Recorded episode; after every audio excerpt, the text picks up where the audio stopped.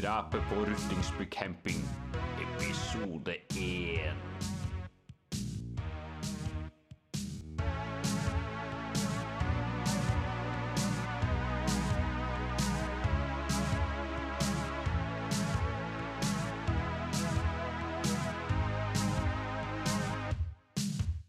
Et krimhørespill i åtte akter. Manus og musikk av Erlend Kåserød, Sebastian Nystrand og Henrik Bjellum.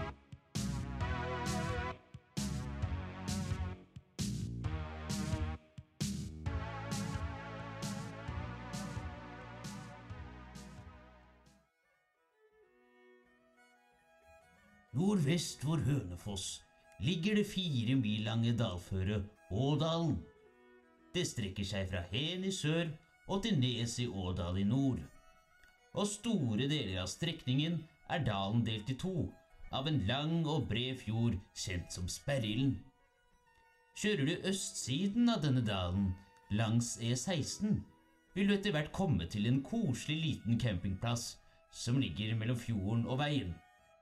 Denne campingplassen heter Ruttingsbu og drives av en mann som heter Bertil Kvae. Her er det også en liten dagligvarebutikk, en pub og en liten kro drevet av den franske kokken Ferge Burre.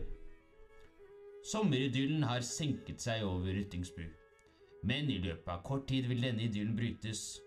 Skumle ting er i ferd med å skje.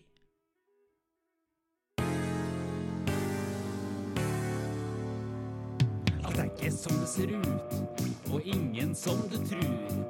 Bikkja er en yeti, og onkel en vampyr. Du kvier deg for livet, og håper det er slutt. Granateple kan sprenge, og papir kan gi deg kutt. Pausen brenner, huset sprenger, og doset er kaldt. Det er farer overalt.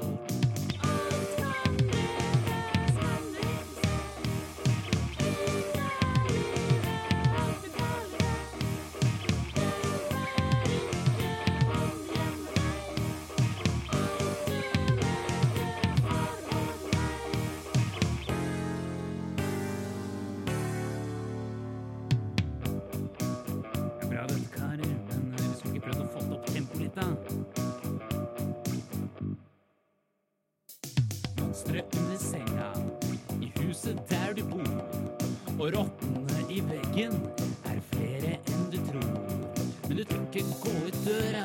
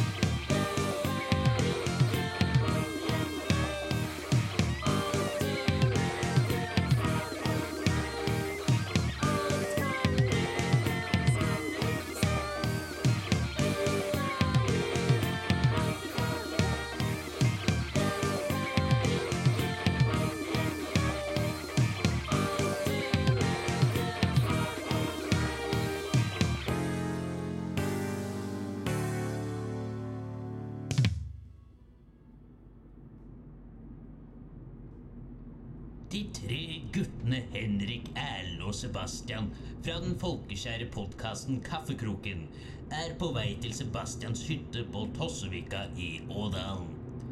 Hytta ligger på vestsiden og nesten helt nede ved vannkanten ved fjordens berrild. Her skal de slappe av en ukes tid og forberede arbeidet på deres neste humorprosjekt. Nå vel, forberede og forberede. Med seg hadde guttene pakket øl, sherry, konjakk, vin, sigarer og sigaretter og kilo på kilo med svinekoteletter og bacon. Enn så lenge lignet det vel mer på et fylkesårsmøte i Fremskrittspartiet. Hvordan er det egentlig vannet her nå? Er det varmt nok for en dukkert? Tvilsomt. Det er kanskje litt varmere i lufta enn det pleier å være, men vannet er fortsatt iskaldt. Sa Sebastian mens han styrte bilen med den ene hånden og prøvde å åpne opp snusboksen med den andre. Sebastian Nystrand Simensen var den eldste av de tre guttene. Men bare med noen måneder, så det har egentlig ikke noe å si. Unnfanget på nyttårsaften i 1998 bak en tilhenger og oppvokst på Hallingby Ådalen. Han har kort, krøllete hår, briller og en brun skinnjakke nedarvet fra hans bestefar. Han er førstemann i historien til å bli utvist fra videregående skole for å skrive pikant erotikk. Han er en tveskjønnet tenåringssønn og er tre år på rad kretsmester i stive laken. Vi gratulerer! Hei, jeg fikk nettopp melding fra Bert Ole. Han lurer på når vi skal besøke han i campingvogna. Bernt Ole var Henriksen bondeknøllaktig fetter som bodde på campingplassen på den andre siden av fjorden ovenfor hytta. Og hvem er så Henrik, spør du kanskje? Henrik Billum, og Fox på Jevnaker, er den korteste av de tre guttene. 1,60 cm høy, dog 1,85 cm naken. Velutstyrt er altså. Henrik har rødt, krøllete hår, lyseblå poloskjorte og ingen sjel. Dette har tidligere reddet han fra avtaler med djevelen. Ingen sjel, ingen evig fortapelse i helvetes flammer. Det er dog ikke klart å redde han fra stadig forfølgelse og trakassering fra den lokale politimannen, som ikke har særlig mye til overs for råkjørere fra Jevnaker. Henrik er for så vidt også kjærlighetsbarnet til Ravi og Frodo fra Ringenes herre. Men eh, det er en annen historie. Tilbake til vår. Ja, det passer fint at vi besøker han i morgen. Da kan vi jo stikke innom nærbutikken også. Jeg er nesten tom for snus allerede. Jeg har en høne å plukke med Bernt etter den forrige batchen med sprit han skaffa meg. Jeg har sengeliggende i en uke, og fem mann og en hest måtte pumpes. kom det fra sistemann Erlend Kåsref. Født og oppvokst i Hønefoss by anså han seg som forholdsvis mer kultivert og urban enn de to andre, sitat, banjospillende, innavlede hillbillyene. Erlend er ikke-troende fordi han syns det er mer praktisk å være vitende. Hans spisse nese, merkelige etternavn og gjerrighet har dog gjort at han i noen miljøer omtales som Rabi Kåsruf.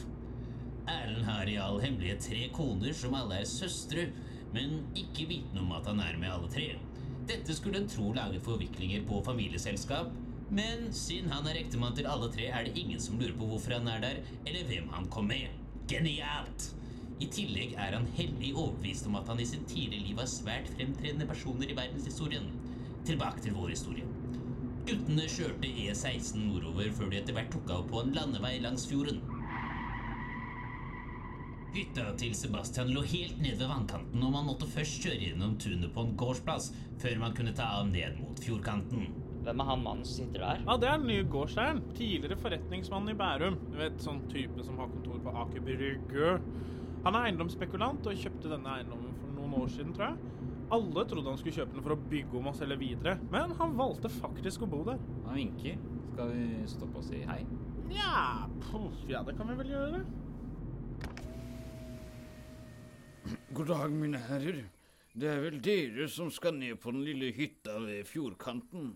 Ja, ja, det er oss. Eh, Jeg er Sebastian, dette er Henrik, og han bak her, han er Erlend. Hyggelig. Jeg er da eieren av gården her.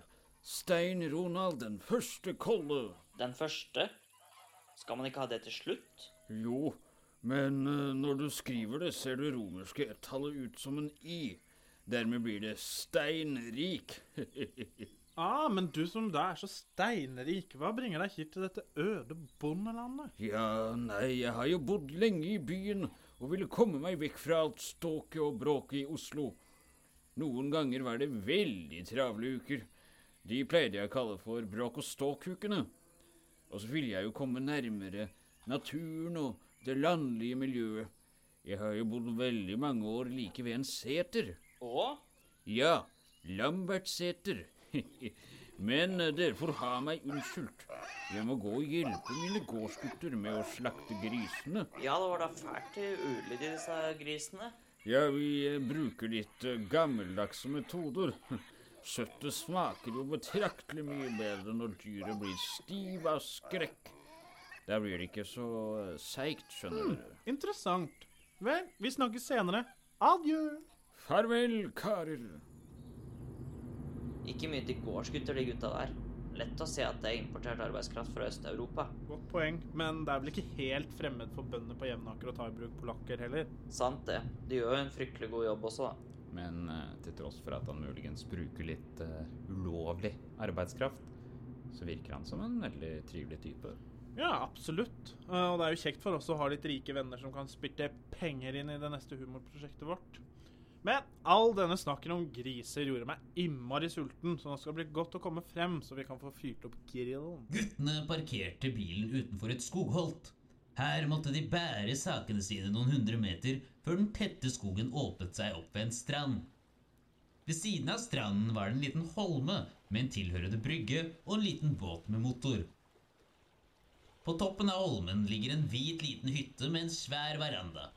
Her hadde guttene sittet sommer etter sommer og sunget, drukket og røyket til langt på natt. Hytta besto av et soverom, et kjøkken og en stue. Og utenfor var det et lite stabbur og en utedo.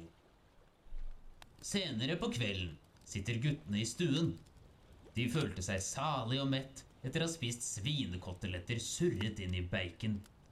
Nå koste de seg med en sherry og tjatret som en syklubb, mens Sebastian satt og klimpret på det gamle trekkspillet sitt.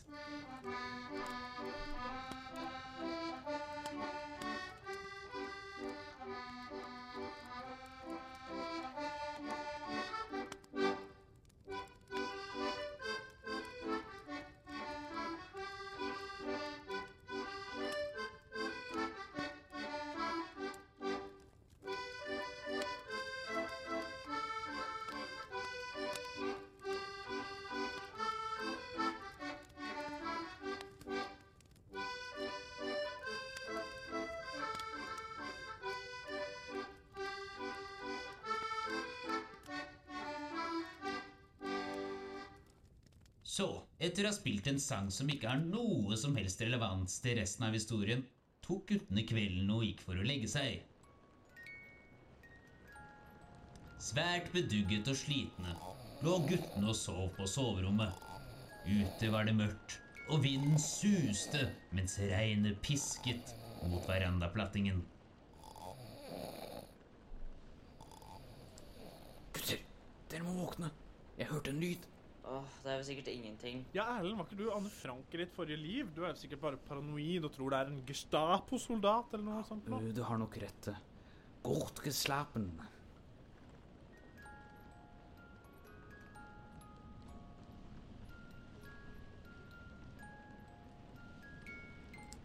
Der var det igjen.